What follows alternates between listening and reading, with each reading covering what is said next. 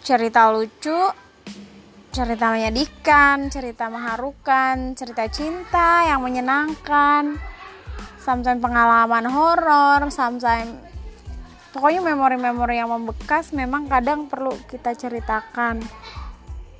Ceritakan dan juga kita save di memori. Cuma kadang-kadang kita penuhan kan ya. Jadi aku lebih suka merekamnya dalam podcast ini. Enjoy